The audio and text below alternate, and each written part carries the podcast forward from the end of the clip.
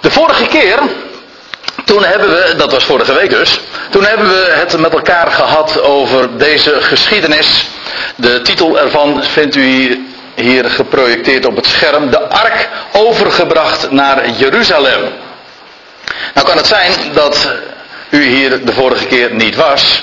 Dat kan zomaar zijn. En ja, aangezien de studie van vorige week en die van vandaag direct op elkaar aansluiten, het is gewoon het vervolg erop, lijkt het me toch wel even nuttig om, ook als u hier de vorige keer trouwens wel was, om eventjes nog weer in herinnering te roepen waar het ook alweer over ging. En dan zal ik u even, voor degenen die dus niet waren, zal ik nog eventjes in het kort moeten aangeven waar het ook alweer om ging. Zonder dat allemaal uiteraard uh, opnieuw te gaan uitleggen, want dat schiet niet echt op natuurlijk. Maar in elk geval om even puntsgewijs aan te geven uh, waar die geschiedenis over gaat. Kijk, sowieso, uh, die geschiedenis van 2 Samuel 6, die we trouwens ook in het boek Kronieken weer tegenkomen, op een wat andere manier. Maar die geschiedenis, dat gaat over de, de ark van God die David in het begin van zijn regeerperiode verplaatst naar naar Jeruzalem. De stad van David. Maar dat blijkt een, een onderbroken reis te zijn. Nou, het gaat inderdaad over die ark Gods, maar waar we het vorige keer vooral over gehad hebben, en dat is vrij standaard wanneer we hier bij elkaar zijn en we openen de Bijbel, en zeker als we het dan hebben over geschiedenissen in het Oude Testament, wat wij dan het Oude Testament noemen, in de Hebreeuwse Bijbel, dan vragen we primair ook naar de diepere zin die in die geschiedenissen is gelegen. Daar gaan we eigenlijk op voorhand ook van uit. We lezen van Paulus dat hij tegen de Galaten zegt, die zo graag onder de wet wilde staan. Hij zegt, gij die onder de wet staan, eh, wilt staan, luistert gij niet naar de wet. En dan gaat hij het hebben over een geschiedenis van Sarah en, en Hagar en over Isaac en Ismaël. En dan, dan vertelt hij dat. Hij zegt, hierin is een diepere zin gelegen. En feitelijk dat is wat tussen de regels door klinkt. Hij neemt het die gelaten kwalijk dat ze die diepere zin niet verstonden. En zo lezen wij ook het Oude Testament. Dat wil zeggen, we nemen de bedekking van het Oude Testament weg. Of eigenlijk moet ik het anders zeggen natuurlijk, want wij nemen niet die bedekking weg. Maar door het licht van het Nieuwe Testament wordt de bedekking weggenomen. En onderscheiden we en worden we gewaar de, de diepere betekenissen van, zo'n, van ook een geschiedenis als deze. Wel, we hebben het gehad over de ark gods die in al haar onderdelen van de verzoendeksel met die, maar ook die, die staf die van Aaron die gebloeid had en van die gouden kruik, et cetera, et cetera. Die ark gods is in al haar details en aspecten een type van de Heer Jezus Christus, de levensvorst, degene die uit de dood is opgestaan. Daar spreekt die ark van. Wel, daar hebben we het wat uitgebreider over gehad. Wat we ook hebben gezien, is dat die, die, die ark gods die naar Jeruzalem verplaatst wordt, wel, het, waar 2 Samuel, 5, 2 eh, Samuel 6 over gaat, en dat zou je gewoon ook boven de geschiedenis kunnen zetten, de onderbroken reis van de ark naar Jeruzalem. Dat is een mooie titel.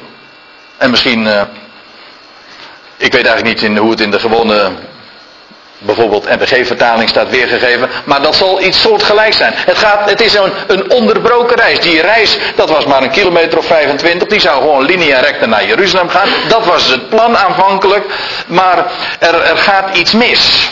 Dat wil zeggen, dat zou je dan denken. Het is een onderbroken reis. Uh, en waar vindt die onderbreking plaats? Wel bij de dorsvloer van ene meneer Nagon. En ik, ik heb u ook laten zien dat de dorsvloer in de Bijbel altijd spreekt van Zion. Of uh, nog anders gezegd, het spreekt van het altaar. Maar dat is feitelijk hetzelfde, want Sion is feitelijk gebouwd rondom een dorsvloer. Maar die dorsvloer is gemaakt vervolgens tot een altaar, of ik zal zeggen, gewoon een complete tempel. Want de tempel is gebouwd op de dorsvloer. Nou, wat ik naar voren heb gebracht vorige week is dat die dorsvloer spreekt inderdaad van Sion, het spreekt van het altaar, het spreekt van de plaats waar de Heer Jezus Christus is gestorven, maar wat meer is, is opgestaan, geofferd. En wel, daar vindt die onderbreking plaats van die, van die reis. En ja, hoezo een onderbreking? Wel, ik ga er nu even gemakshalve vanuit dat u in elk geval de geschiedenis enigszins kent. Het verhaal kent, het zonderschoolverhaal zeg maar kent. Uh, daar vond een struikeling plaats van die runderen. Want ja, het ging helemaal niet. Uh, David die heeft die, die, die ark in eerste instantie vervoerd die, die op een wagen, een nieuwe wagen weliswaar, maar uh, dat was helemaal niet de bedoeling. Op een nieuwe wagen en, en runderen die, daar, die die kar trekken, zeg maar. En die, die, die runderen struikelen op een gegeven ogenblik bij die, bij die dorsvloer. En dan is het in uh, Ussa, die daar, uh, die daar bij die runderen stond, die de ark probeert uh, te redden. Dat wil zeggen, die ark dreigt te vallen, dacht hij. En hij strekt zijn hand uit en dat wordt hem zeer kwalijk genomen. Hij sterft ter plekke. Dat is, een, dat is een hele dramatische geschiedenis, want het was een hele vrolijke optocht. En daar bij die dorsvloer vindt die struikeling plaats. Uh, de, dat aanraken van de ark, dat wil zeggen, hij strekt zijn hand uit naar de ark. En hij, ja, ieder die de ark gods aan zou raken, die zou sterven. Dat had God al in zijn woord gezegd. En dat werd toen ook waarheid. Wel, daar vindt dus bij die dorsvloer een struikeling plaats. En ja, die, eh, die plaats wordt uh, dan vervolgens ook genoemd Peres Ussa. Ja, en Peres, daar hebben we het nogal, uh, ja, zijn we wat dieper op ingaan. Peres betekent breuk, een onderbreking. Daar bij die dorsvloer vindt een onderbreking van de geschiedenis plaats. Nou, om een lang verhaal kort te maken en om de samenvatting van vorige week niet al te uitgebreid te maken, Waar het om gaat is, de ark spreekt van de Heer Jezus Christus, die inderdaad zich ooit zal vestigen in Jeruzalem. Definitief daar zijn plaats zal gaan innemen en zijn koninkrijk zal bouwen. Jawel, maar dat gaat niet linea recta. Dat was misschien wel de aanvankelijke verwachting, wat Israël ook dacht. Maar daar vindt een, uh, een onderbreking plaats bij het altaar, bij de dorsvloer, bij Sion. En daar vindt een struikeling plaats, de struikeling van Israël, die de Messias verwerpt, die, zich, die zijn hand uh, uitstrekt als het ware op een illegale wijze naar de ark gods, naar de Messias, die zich eigenlijk uh, de, vergrijpt aan de Messias. Nou, wel, daar spreken deze dingen van. En dat, en dat levert een onderbreking in de geschiedenis op. De komst naar Jeruzalem blijkt een onderbroken komst te zijn. Het wordt een komst in twee fasen. Of het wordt een eerste komst en een tweede komst.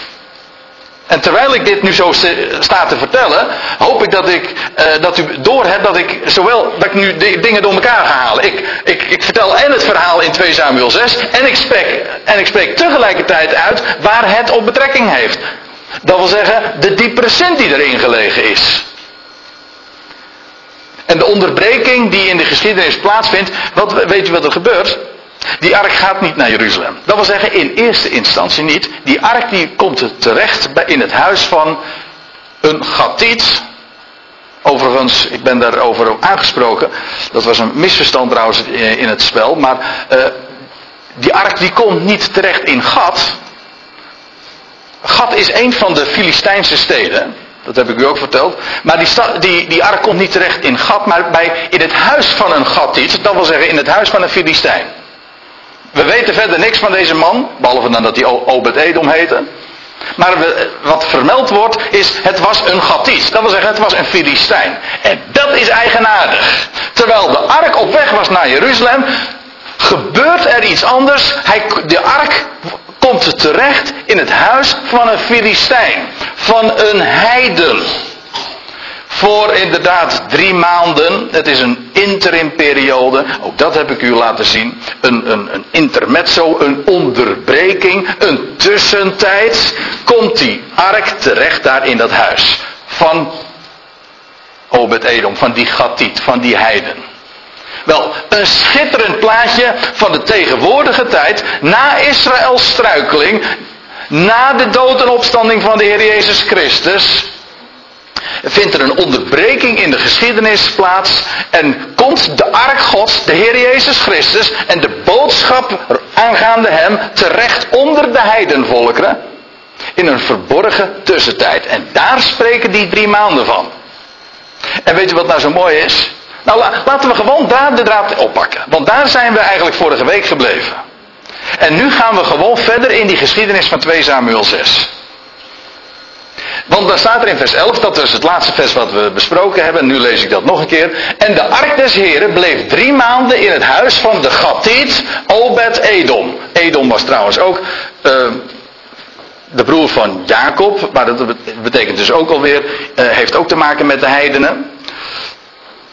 Maar hij kwam drie maanden terecht in het huis van die Gattitus, van die Filistijn, Obed-Edom. En de Heere zegende Obed-Edom en zijn hele huis. Feitelijk werd dat huis van Obed-Edom een huis gods.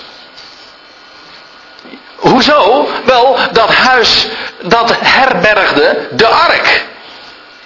En waar, wat maakt een, uh, wat, zeker in de dagen van het Oude Testament, wat maakt een, een huis nou een huis Gods? Wel doordat het het allerheiligste, uh, hoe zeg je dat? Het allerheiligste in zich heeft. Omdat God daar woont. Wel, die ark, ik heb u dat de vorige keer trouwens ook laten zien, want zo begint 2 Samuel 6. Die ark, dat was, de, dat was die kist waarover de naam des Heren was uitgeroepen. Feitelijk was het een embleem, een uitdrukking van God zelf. En als Obed-Edom, deze Gattiet, deze Filistijn, die ark in zijn huis krijgt, wordt zijn huis feitelijk een huis gods. Trouwens ook een prachtig type van de tegenwoordige tijd. Het evangelie komt onder de heidenen terecht. En inderdaad, God bouwt zijn huis. God bouwt zijn huis. En weet je wat er nog iets, uh, wat er ook gebeurde? En in dat, in dat huis, de gemeente, onder de heidenen, daar zegent God. Waarom? Nou, dat lezen we trouwens ook in het volgende vers. In vers 12. Want er staat er aan koning David werd meegedeeld. De Heere heeft het huis van Obed-Edom en al wat hij bezit gezegend ter wille van de ark gods. De, waar die zegen uit bestaat, of uh, waaruit, waar die zegen uit bestond, dat lezen we niet bij mijn weten in de Bijbel. Maar hij werd gezegend en dat was kennelijk ook duidelijk. En dat is vandaag ook zo. Daar waar de ark van God is, daar waar men weet heeft van hem, de Heer Jezus Christus, de ark Gods. En die, hij, hij, wel, die boodschap is verplaatst naar de heidenen. Het koninkrijk is niet openbaar geworden. Er is een onderbreking in de geschiedenis gekomen. Allemaal tot je dienst. Maar daar waar nu de ark van God is, daar wordt, daar zegent God. En wat, hoe zegent hij? Nou zal ik het zeggen met de woorden van Paulus in Efeze 1. Hij zegent ons met alle geestelijke zegen in Christus. Met alle geestelijke zegen. En die geestelijke zegen is dan toch in elk geval, ja, alle rijkdom die wij in hem hebben, maar bestaat in de praktijk toch gewoon ook daaruit dat we genade, dat wil zeggen vreugde en vrede hebben. Dat is de grootste zegen. Uh, uiteindelijk al het andere uh, telt niet werkelijk. Doet er ook niet ter zake. Materiële zegen, dat, dat maakt de mens niet werkelijk rijk. Maar wat, ons, wat een mens werkelijk rijk maakt, dat is inderdaad vreugde. En vrede, wel dat kennen zij die in deze tussentijd leven en geroepen worden en die zich bevinden in dat huis. Als u begrijpt wat ik bedoel. In dat heidense huis, maar dat wel een huis gods is. Waarom? Wel, ze kennen, ze kennen het woord van God. Ze kennen de Heer Jezus Christus. Ze kennen Hem in wie een overvloed van vreugde gevonden wordt. Een toekomstverwachting zo machtig groot. En een God die werkelijk God is. En dat geeft vrede. Wel, hoe dan ook, die Obed-Edom en dat huis en die zegen die daar, eh, die daar beleefd werd, dat is een type van de tegenwoordige tijd. Dat, dat is een, een type van, van het huis van God dat vandaag in deze tijd van onderbreking gebouwd wordt. En dan lees ik, en dan lees ik verder in vers 12. En toen ging David heen en hij haalde de ark gods onder gejuich uit het huis van Obed-Edom naar de stad Davids. Kijk, nu gaan we de tweede fase in. We hebben het gehad over de eerste, het eerste deel van de reis van de ark. Over wat er gebeurde bij die dorsvloer, over die struikeling en over, over dat drama van, van, van, van die Ussa die daar ter plekke sterft. Ook een beeld eh, trouwens nog. Dat, ja, en als u het hele verhaal wil horen, dan moet u dat op internet nog maar eens eventjes nakijken. En uh, u kunt dat allemaal uh, beluisteren nog.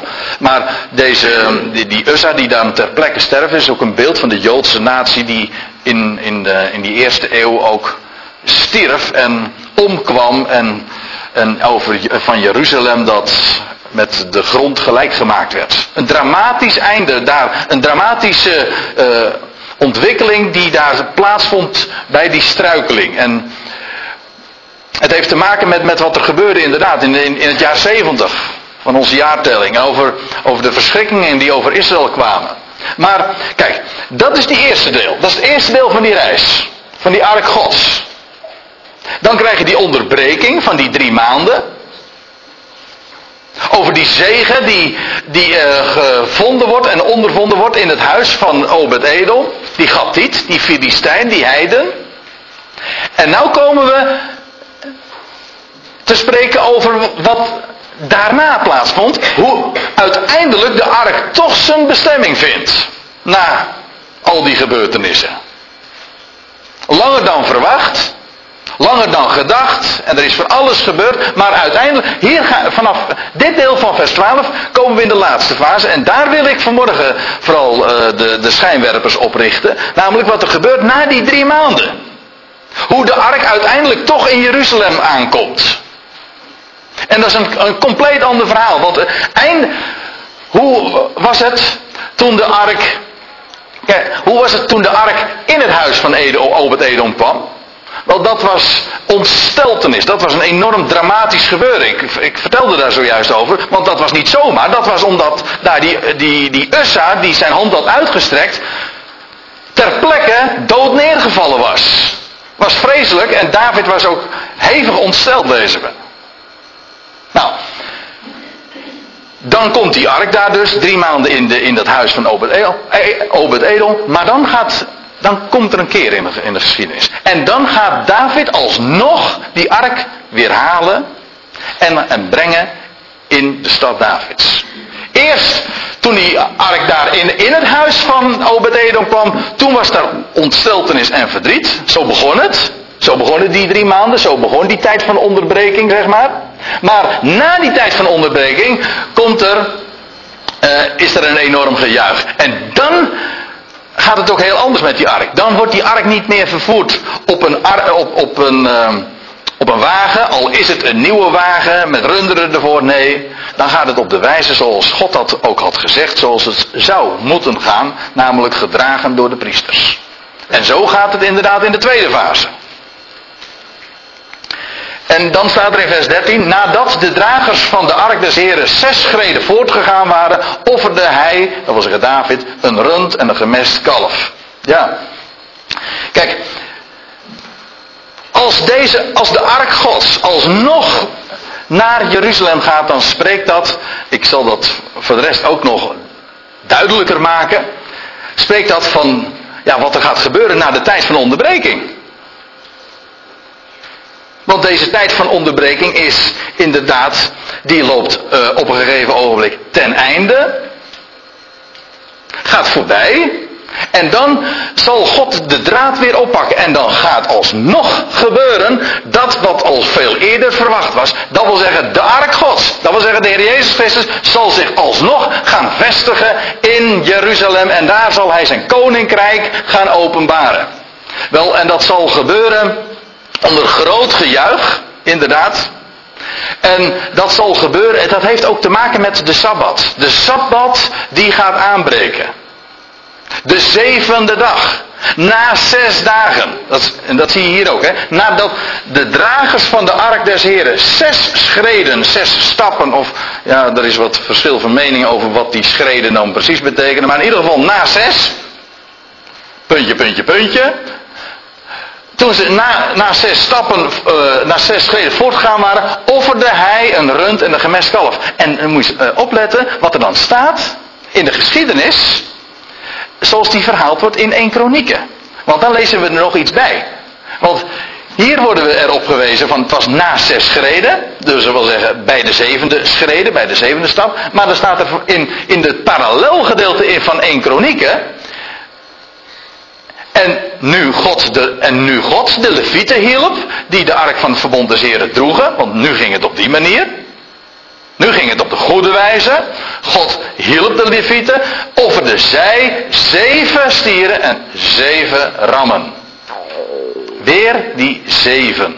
En zeven heeft in de Bijbel met rust te maken, maar vooral ook uiteraard met de Sabbatsrust. Wel, als we het hebben over de ark die definitief gevestigd zal worden in de stad Davids in Jeruzalem, dan hebben we het over de terugkeer van de Heer Jezus Christus, zijn tweede komst na de onderbreking en over het koninkrijk dat dan openbaar zal worden, oftewel de Sabbatdag die dan zal aanbreken, de zevende dag.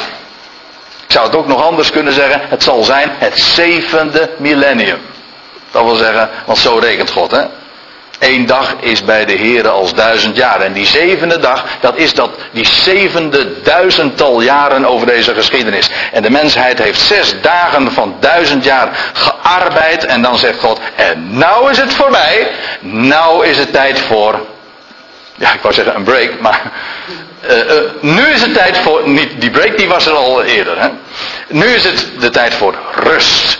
Niet alleen maar rust van de wereld, rust voor Israël, maar ook rust van de Heer zelf. De Sabbatdag gaat dan aanbreken.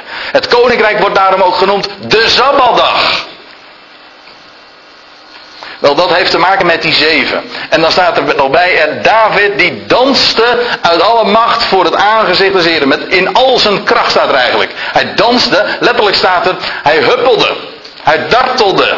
Precies wat een, lammetje ook doet als het in de lente uh, geboren is en dan in de, in de wei terechtkomt en, en dan, dan huppelt het, dan dartelt het. Wel, zo, zo was, uh, was David daar bezig uit alle macht voor het aangezicht des Heren. Je ziet hem hier zo op het plaatje heel uitbundig dansen. En inderdaad, dat, dat deed hij. En ik denk zo bij mezelf, als David daar zo blij mee is geweest, zo uitbundig uit alle macht voor het aangezicht des Heren uh, gedanst heeft, gehuppeld heeft, dan heeft hij toch heel wat begrepen van de diepere betekenis van die ark. Vraag me niet hoeveel, maar in ieder geval genoeg om hem helemaal uit zijn dak te laten gaan. Niet iedereen kon dat waarderen, maar daar hebben we het zo, zo meteen nog over. Ja, dan nog iets, want er staat vervolgens, David nu was omgord met een linnen lijfrok. Dan denk je, oh nou, leuk, dan weten we dat ook weer. Ja, ho ho, maar er staat iets anders. Er staat namelijk, hij was omgord met een, in het Hebreeuws staat er, een efot. En dan moet je opzoeken in de Bijbel wat een efot is. Een efot, dat was gewoon het, het linnen gewaad van een priester. Van de hoge priester. Uh, als ik me niet vergis. Maar terwijl ik het nu zeg, uh, begin ik even te aarzelen. Dat weet ik even niet absoluut zeker, dus laat dat even. Ik laat het even rusten. Maar in elk geval, het was een priesterlijk gewaad. Dat, was een, wat dat is wat een evod is. Het was een priesterlijk gewaad. Daar, zou, daar, lees je overheen als je het op deze manier leest. Hè? Zoals het in de NBG-vertaling staat weergegeven. Ik weet niet hoe het in de Statenvertaling is. Of daar evod staat. Hè? Maar er staat gewoon het woord efot. En dat doet er ons aan denken van, hé, hey, David was hier gekleed in een priesterlijk gewaad. Een efot. Dat is waarop gewezen wordt. Dat is niet omdat het zo interessant is of voor ons om te weten wat, wat voor kledij hij droeg. Nee, maar het gaat om de diepere zin. Dat, dat, even tussendoor, dat geldt in het algemeen. Hè. Het is me ook weer zo sterk opgevallen bij, bij het uh, onderzoeken van dit hoofdstuk. Hoe allerlei details waarvan je normaal gesproken zegt van ja, nou ja, in het verhaal is het aardig, maar waarom staat het nou allemaal in Gods woord? Het is heel eenvoudig als je eenmaal de diepere zin kent. Dan blijkt waarom het er staat.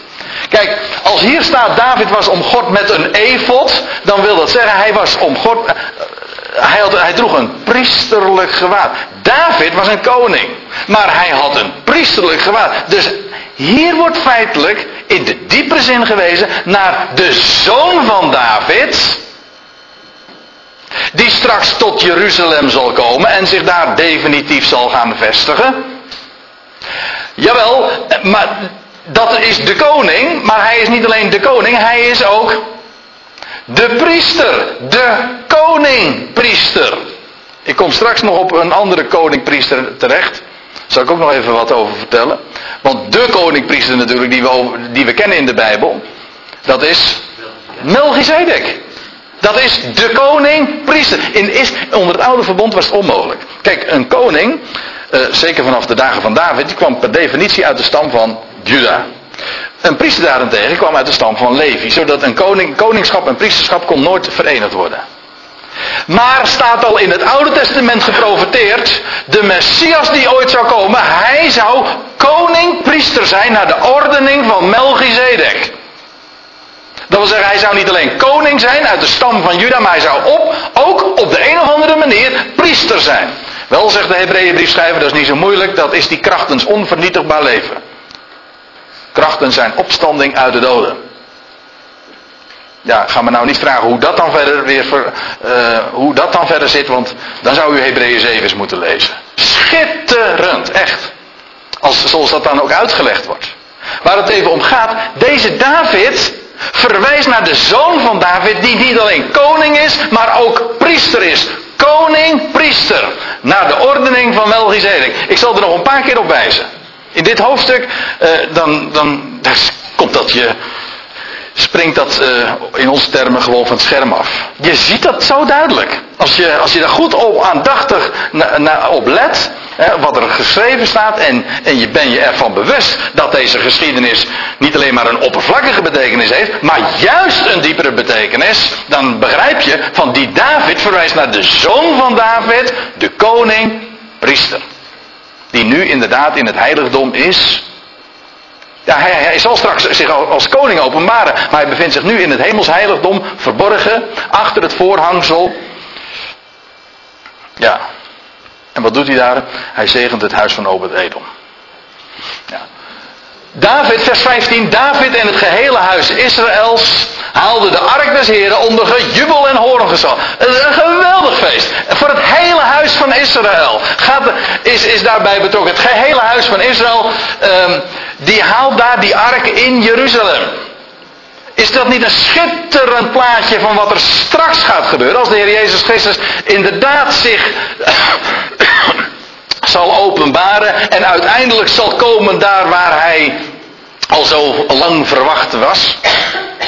En zijn koninkrijk zal openbaren in Jeruzalem. En dan zal hij inderdaad, dan zal gans Israël hem inderdaad ontvangen. En dan staat er onder gejubel en horengezal. Weet u dat woordje horen, weet u wat er staat in, in het Hebreeuws? Het daar staat het woordje shofar. De shofar. Of ja, ik weet niet hoe de klemtoon ligt, maar uh, in elk geval, het is die shofar. En uh, dat hoorngeschal, als je, wordt niet concordant weergegeven, dat wil zeggen de ene keer wordt het zus, de andere keer wordt het zo weergegeven, maar bijvoorbeeld in, uh, in Exodus 19, daar lees je, daar staat hetzelfde woord in het Hebreeuws, en dan wordt het weergegeven met bazuingeschal. En waar doet ons dat aan denken? Het bazuingestal. Waar linken we? Er was zelfs in de Bijbel een speciale dag van het bazuingestal. Dat is de eerste dag van, het, van de zevende maand. En om het ingewikkeld te maken, was het de eerste dag van het nieuwe jaar. Voor het Joodse jaar. Nou, het spreekt van de terugkeer van de Heer Jezus Christus als bazuin. Ik moet meteen denken aan dat uh, Johan de Heer lied. Als bazuin. Ik zou het haast zingen. Het klinkt namelijk meteen zo van. Als, als in een fanfare. Als bazuingeschal des Heren. Dat, ja. Daar gaat het over. Als bazuingeschal des Heren zal klinken. Als de bazuin zal klinken. Trouwens, in verband met zijn terugkeer klinken er maar niet één keer een bazuin. Klinkt, maar klinken er bij gelegenheid heel wat bazuinen. Het boek Openbaring heeft het zelfs over zeven bazuinen. In elk geval, het spreekt inderdaad van de terugkeer van de Heer Jezus Christus naar Jeruzalem, naar Jeruzalem en dan zal inderdaad de bazuin klinken. En dan staat in vers 16, toen kwam, toen de ark des Heren de stad van David binnenkwam, keek Michal, of Michal, de dochter van Saul, door het venster en zag koning David huppelen en dansen voor het aangezicht des Heren en zij verachtte hem in haar hart. Michal wordt hier genoemd de dochter van Saul. Dat is heel eigenaardig. Want in dit hoofdstuk komt ze drie keer, wordt ze benoemd. En je zou zeggen, ze zou worden genoemd Michal, de vrouw van, of een van de vrouwen van, want zo was het eh, ook nog eens een keer. Het was, maar in elk geval, de vrouw van David.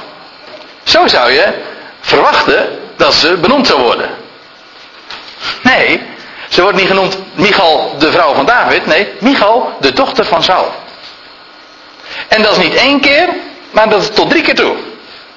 Ook dat zou te denken geven. En dat betekent, eigenlijk komt het erop neer dat deze Michal de rol vervult van haar vader Saul. Eigenlijk gaat, is zij Saul in de volgende generatie. Want Saul was weliswaar inmiddels dood.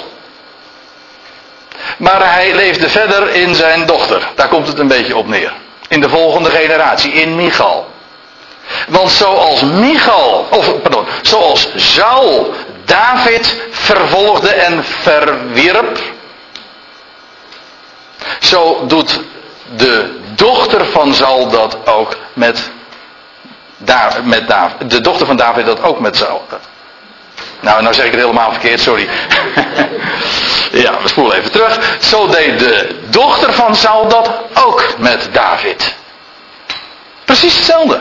Ook die verachting, die verwerping van David. Weet u waar Saul. Kijk, de wijze waarop deze Michal geïntroduceerd wordt, tot drie keer toe, is als de dochter van Saul. Daarmee uh, wordt ze daaraan aan gekoppeld. Ze vervult feitelijk de functie van Saul ook.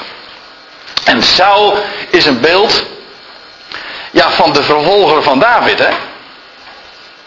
Saul is eigenlijk in de Bijbel degene die David verwerpt. Maar u begrijpt dat ook hierin een diepere zin is gelegen. Want in feite is Saul een type van hem die de zoon van David verwerpt. In feite een beeld van het, het oude verbond. Saul was die eerste koning van Israël, maar waarvan op voorhand al duidelijk zou zijn dat hij plaats zou maken voor een definitieve koning, voor een definitief koningschap, namelijk het koningschap van de dynastie van David. Het koningshuis van David. Het koningshuis van, van Saul, dat was, was op voorhand al uh, gedoemd te verdwijnen. Wist u dat? Het is heel eigenaardig, uh, even tussendoor, maar heel eigenaardig dat als je erop let hoe Saul tot koning wordt gezalfd. In vergelijking met de wijze waarop David tot koning wordt gezalfd. Toen Saul tot koning werd gezalfd, ze werden beide gezalfd door Samuel. Maar toen Saul gezalfd werd door koning, toen, dan lees je van, en David, dat, dat Samuel een, een kruik nam en, David, of, en Saul daarmee zalfde. Een aardekruik. Als David gezalfd wordt, dan, dan staat er niet dat dat gebeurde met een kruik, maar met een hoorn. Let op het verschil. Een hoorn trouwens in de Bijbel is weer een beeld van koningschap. Ja. Een hoorn in de Bijbel is altijd een, een koning. Maar waar het, waar het uh, even om gaat, ook in dit verband. Daar, uh, Saul die werd gezalfd met een aardekruik. Dat wil zeggen, een, iets wat vergankelijk is. Een aardekvap, dat is iets wat breekbaar is, wat weer vergaat. Wat weer voorbij gaat. Nou, dat was inderdaad die heerschappij van Saul. God had dat op voorhand al gezegd van Saul, die moet, uh, oké, jullie krijgen deze koning, maar hij zal straks weer plaatsmaken voor de echte. Het is, de, het is een beeld van, die eer, van het eerste koningschap, van die eerste heerschappij die zou verdwijnen. U begrijpt, het is een lange aanloop om te vertellen dat Saul een type is van, en ook de dochter van Saul een type is van het oude verbond. Van Israël onder de wet. Dat wat toch de heerschappij van de wet, die toch verdwijnen moest. Die uitdrukking die ik hier zeg, uh, waar ik hier aan refereer, is het was de verdwijnende heerschappij. Het, het was een bediening die toch verdwijnen moest. 2 Korinthe 3. Het oude verbond, een bediening die zou verdwijnen. Daar staat Saul voor. Voor degene die de zoon van David, eh, voor, de, ja, voor degene die David verwerpt, voor degene die de zoon van David verwerpt. Of zal ik het nog anders zeggen, die vasthoudt aan het oude verbond. Zal ik het nog eens anders zeggen? Saul, Saul, wat vervolg je mij? U zegt, dat, maar dat is weer een andere. Ja, maar dat was ook, die Benjamin, ook een Benjamin niet. Net als Saul trouwens. Die andere Saul. Ja, die ook inderdaad vasthield aan de wet. En aan de voorvaderlijke overleveringen. En daaraan vasthield. En daarom ook de zoon van David verwierp. Diezelfde naam. Saul, Saul, de vervolger van de zoon van David. Nou, wat ik ermee wil zeggen is, deze dochter van Saul is in wezen, uh, staat, staat inderdaad model voor, voor degene die de, de David verwerpt de zoon van David verwerpt. En, het staat, en die dochter van Saul, die staat ook voor, ja, voor Saul en daarmee ook voor dat, van de verdwijnende heerschappij van het oude verbond. Van Israël onder de wet. Ik kom er straks nog eventjes op terug, maar ik lees even verder. Vers 17 staat er dan nog. Uh, nadat zij de ark des Heer binnengebracht hadden, zetten zij haar neer op haar plaats in de tent die David daarvoor gespannen had. Want de tempel die zou pas in de dagen van Salomo gebouwd worden. Dat mocht David niet. En er staat erbij, en David bracht brandoffers en vredeoffers voor het aangezicht des Heren. Eerst lezen we dat hij een linnen lijfrok, een efot had, een priestelijk gewaad. En hier lezen we dat hij priestelijk werk. Hij bracht offers. Ik lees even verder, want uh, anders blijven we. Anders komen we niet uh, daar waar we wezen moeten. Toen David gereed was met het brengen van de brandoffers en de vredeoffers, zegende hij het volk in de naam van de Heere der Heerscharen. Hé, hey, maar het zegenen dat was toch het werk van de priesters. Ja, dat is ook zo. Maar zodat je, als je een paar van die versen zo achter elkaar leest, dan word je eh, iedere keer op gewezen van wat David hier doet. En zoals David er hier uitziet en zoals hij gekleed is. En dat is priesterlijk. Ja, en dat, ja, en dat neem je voor kennisgeving aan wanneer je zo'n geschiedenis leest.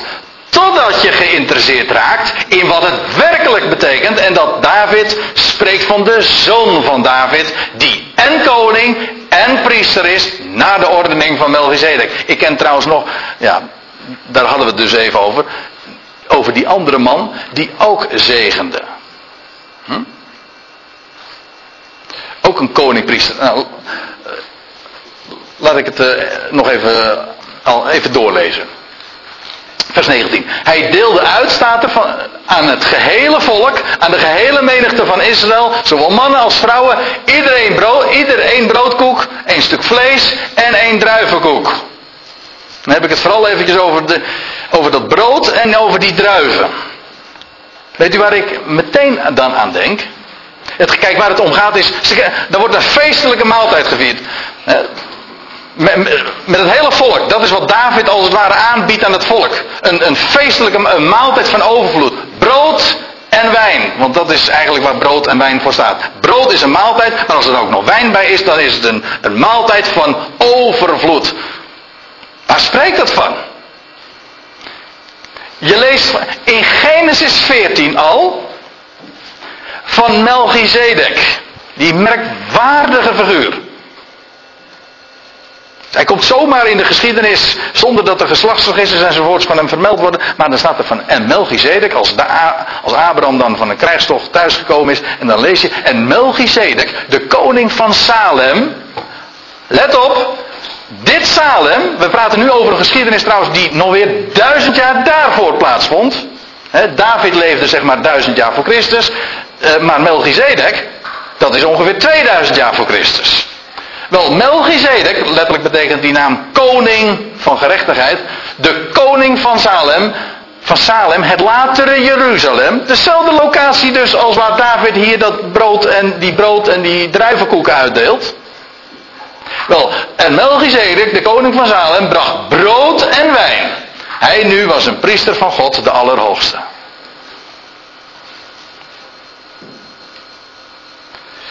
Zodat je ook hier weer de link ziet met de koning-priester. David die zegent en hij deelt uit van brood en druiven. En dat herinnert direct aan wat daar duizend jaar daarvoor al had plaatsgevonden. Van die merkwaardige, mysterieuze figuur Melchizedek. Koning-priester.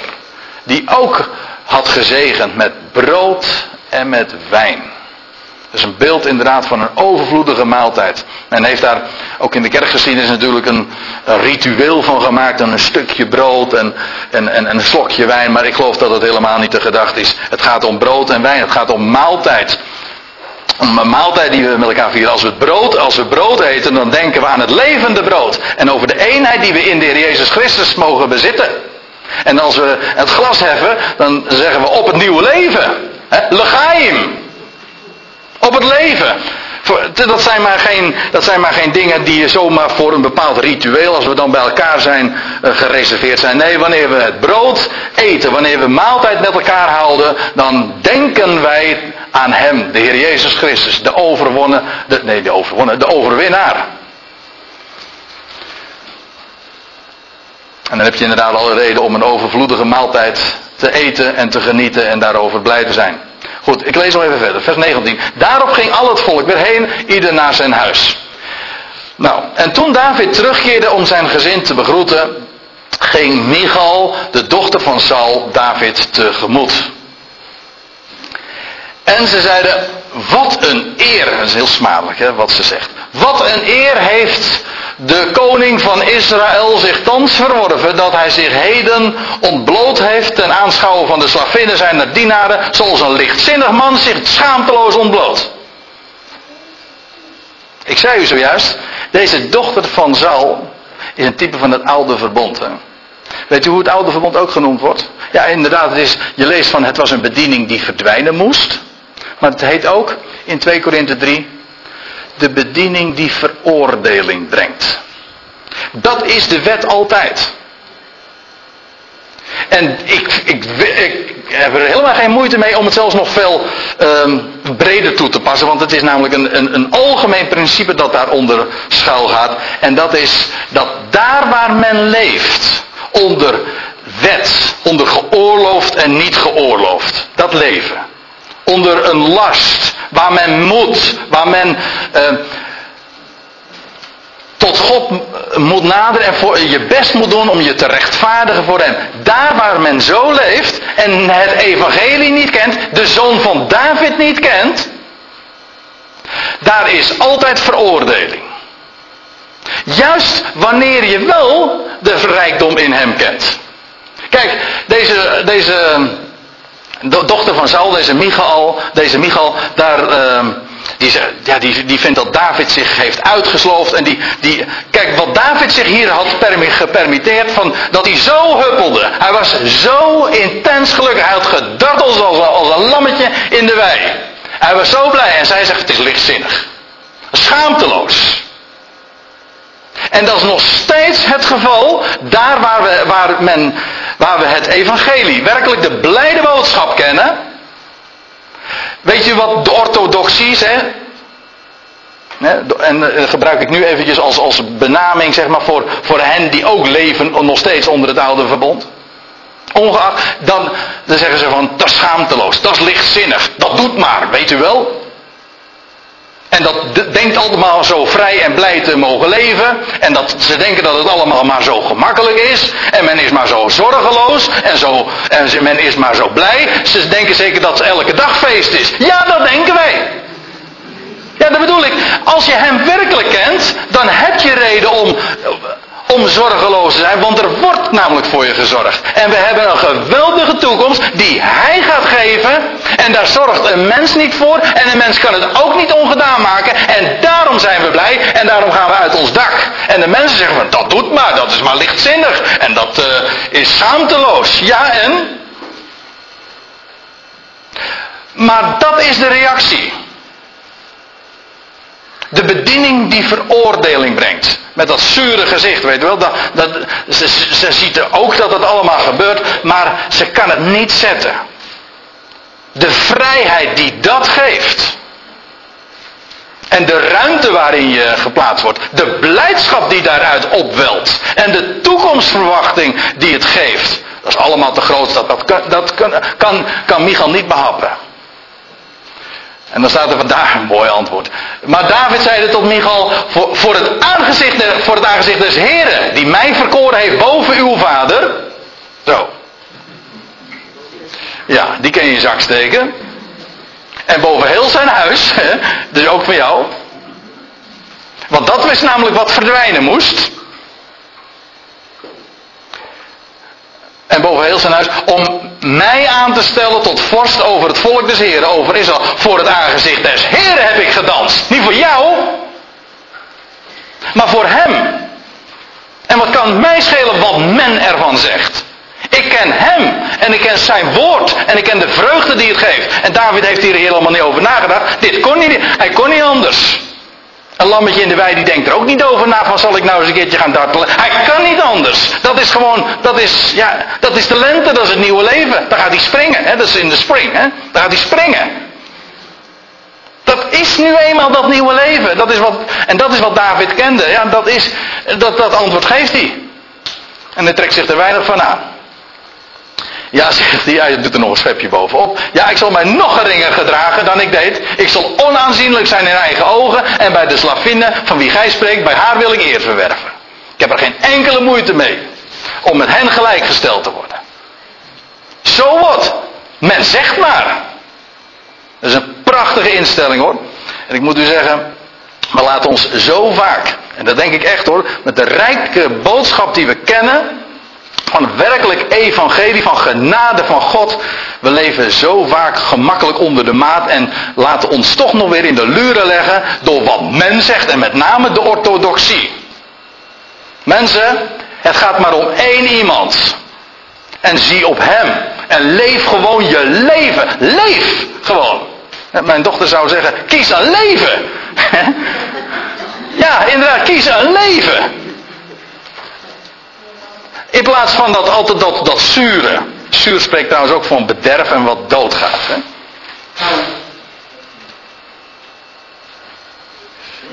Nou, en dan lees je nog, en dat is het laatste trouwens van dit hoofdstuk. En Michal nu, de dochter van Saul, bleef kinderloos tot de dag van haar dood toe.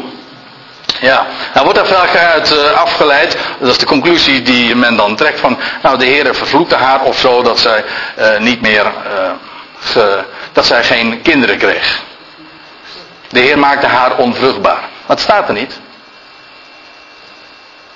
Weet u wat, wat de, de meest logische verklaring is? Zij heeft gewoon geen gemeenschap meer gehad met David.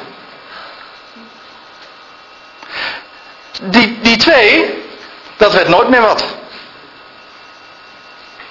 En, en inderdaad, Michal bleef kinderloos tot de dag van haar dood toe, want het is nooit meer goed gekomen tussen die David en die dochter van Saul. Die ooit inderdaad, met wie hij ooit getrouwd was.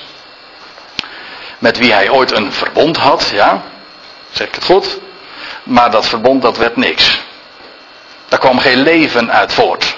Want eigenlijk is het dat, hè. Dat, is dat oude verbond, ik had het er toch over, dat is een bediening des doods. Het is een bediening die verdwijnen moest. Het is een bediening die veroordeling geeft. En het is bovendien een bediening des doods. Dat oude verbond, daar komt geen leven uit voort.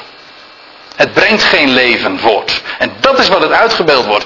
Het is, kijk, en als je eenmaal die betekenis ervan onderscheidt, die diepere zin, dan begrijp je ook zo'n geschiedenis. Ook de, ook de, zeg maar, de, de hele ruwe, de harde kanten, de scherpe kanten en uh, aspecten van, van zo'n verhaal. Maar als je eenmaal ziet waar het op betrekking heeft, zegt men ja, het spreekt inderdaad over de zoon van David. En over het leven dat hij aan het licht gebracht heeft. Over het feit dat hij de koning priester is. En dat het staat tegenover het oude verbond. Waaraan radicaal een einde gemaakt wordt. Waar geen, dat leven onder de wet, dat oude verbond, dat moest verdwijnen. Dat gaf alleen maar veroordeling het is een bediening des doods. Daar spreekt het van. Het spreekt dus ook van, van, van, de, van de Heer Jezus Christus. Kijk, en hoe deze ark uiteindelijk dan aankomt daar in Jeruzalem en zijn plaats daar vindt. En nog een generatie later zou, was, het was het Salomo die dat, die ark uh, een plaats geeft in, in die machtige tempel die hij daar bouwt.